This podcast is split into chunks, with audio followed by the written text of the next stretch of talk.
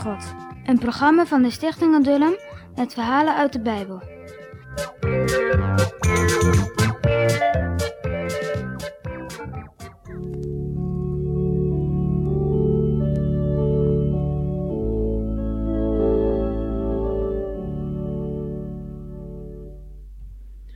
Weten jullie nog hoe het uh, afgelopen is, het vorige verhaal? De laatste woorden, die kunnen jullie vast nog wel herinneren, hè, die Farao gezegd heeft. Laten we maar eens luisteren hoe dat is afgelopen. Ga alsjeblieft weg en neem alles mee. En ook andere mensen roepen, gaan jullie alsjeblieft weg. Jullie God is te sterk voor ons. Hier, hier, neem deze geschenken van ons aan, als jullie maar weggaan. En daar gaan ze. Een hele stoet. Mannen, vrouwen, kinderen, al hun vee. Het is natuurlijk een hele grote optocht. Langzaam trekken ze weg. Trekken ze naar de Schelfzee. Het gaat natuurlijk niet vlug. Ze moeten al hun bezittingen dragen.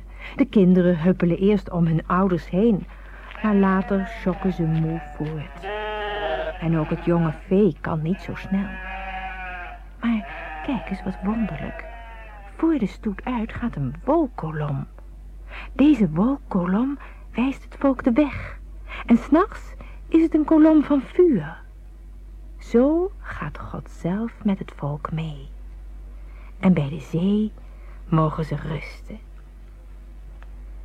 In Egypte ligt al het slavenwerk stil.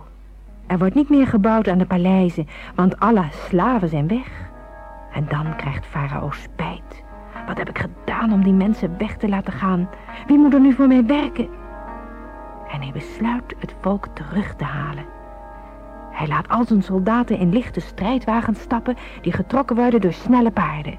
Ze kunnen het volk zo inhalen. Daar snellen ze al weg. Farao voorop. Daar stond Mozes met het volk Israël achter hen duizenden vijanden en voor hem de grote zee. Nergens een weg terug. Was er nog een uitweg? Ja, door de zee. God zei, hef je houten staf op Mozes. En Mozes deed het. En God deed het wonder. Een weg, dwars door de zee.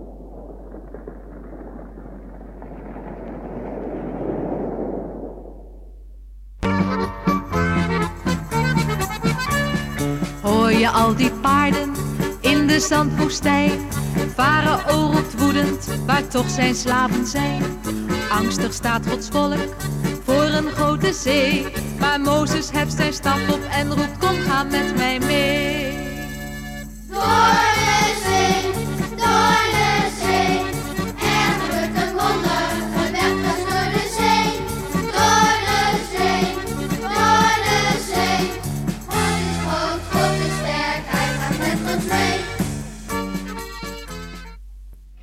Zij waren steile bergen.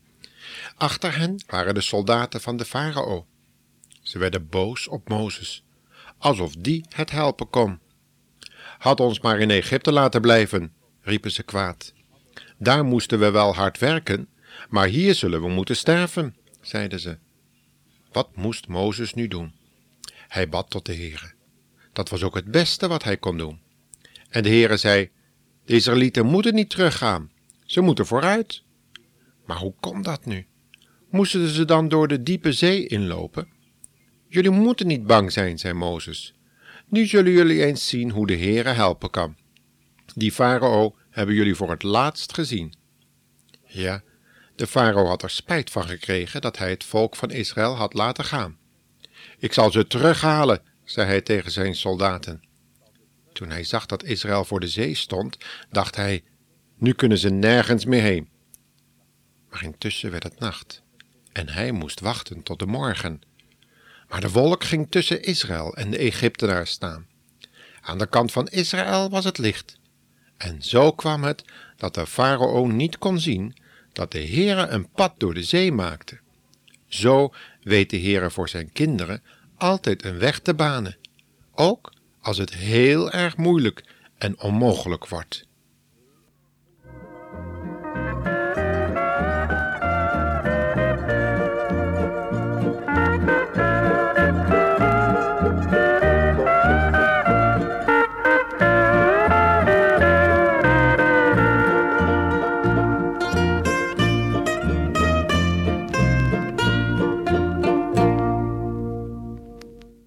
Was het dan weer. Jullie tien minuten met God. En dan nu de quizvraag. Ja, daar komt hij dan. Wat moest Mozes met zijn staf doen? Dus nog een keer. Wat moest Mozes met zijn staf doen?